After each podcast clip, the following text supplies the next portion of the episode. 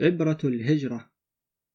إن في أخلاق النبي صلى الله عليه وسلم وسجاياه التي لا تشتمل على مثلها نفس بشرية ما يغنيه عن كل خارقة تأتيه من الأرض أو السماء أو الماء أو الهواء. إنما كان يبهر العرب من معجزات علمه وحلمه وصبره واحتماله وتواضعه وإيثاره وصدقه وإخلاصه أكثر مما كان يبهرهم من معجزات تسبيح الحصى وانشقاق القمر ومشي الشجر ولين الحجر. ذلك لأنه ما كان يريبهم في الأولى ما كان يريبهم في الأخرى. من الشبه بينها وبين عرافة العرافين وكهانة الكهنة وسحر السحرة. فلولا صفاته النفسية وغرائزه وكمالاته ما نهضت له الخوارق بكل ما يريد. ولا تركت المعجزات في نفوس العرب ذلك الأثر المعروف. ذلك هو معنى قوله تعالى بسم الله الرحمن الرحيم. ولو كنت فظا غليظ القلب لانفضوا من حولك. كان النبي صلى الله عليه وسلم شجاع القلب فلم يهب أن يدعو إلى التوحيد قوما مشركين يعلم أنهم غلاظ جفاة شرسون متحمسون يغضبون لدينهم غضبهم لأغراضهم ويحبون آلهتهم كما يحبون أبناءهم. كان على ثقة من نجاح دعوته فكان يقول لقريش أشد ما كانوا هزءا له وسخرية. يا معشر قريش والله لا يأتي عليكم غير قليل حتى تعرفوا ما تنكرون وتحبوا ما أنتم له كارهون. كان حليما سمح الأخلاق فلم يزعجه أن كان قومه يؤذونه ويزدرونه ويشعثون منه ويضعون التراب على رأسه. ويلقون على ظهره أمعاء الشاة وسل الجزور وهو في صلاته. بل كان يقول اللهم اغفر لقومي فإنهم لا يعلمون. كان واسع الأمل كبير الهمة صلب النفس.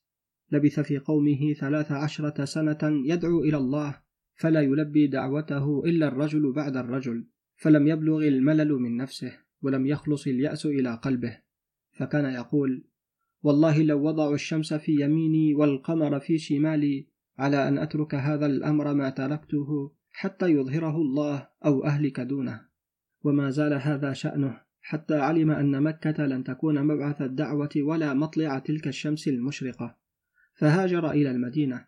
فانتقل الإسلام بانتقاله من السكون إلى الحركة ومن طور الخفاء إلى طور الظهور.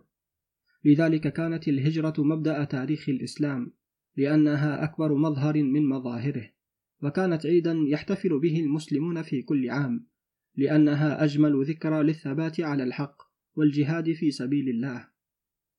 لقد لقي صلى الله عليه وسلم في هجرته عناء كبيرا وشدة عظيمة فإن قومه كانوا يكرهون مهاجرته لا ظنا به بل مخافة أن يجد في دار هجرته من الأعوان والأنصار ما لم يجد بينهم. كأنما كانوا يشعرون بأنه طالب حق وأن طالب الحق لا بد أن يجد بين المحقين أعوانا وأنصارا.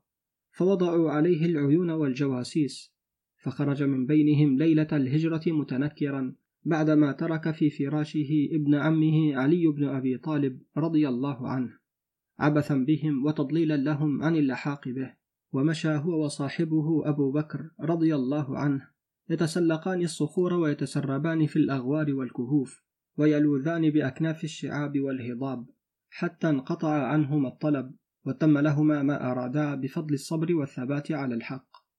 إن حياة النبي صلى الله عليه وسلم أعظم مثال يجب أن يحتذيه المسلمون للوصول إلى التخلق بأشرف الأخلاق والتحلي بأكرم الخصال وأحسن مدرسة يجب أن يتعلموا فيها كيف يكون الصدق في القول والإخلاص في العمل والثبات على الرأي وسيلة إلى النجاح وكيف يكون الجهاد في سبيل الحق سببا في علوه على الباطل.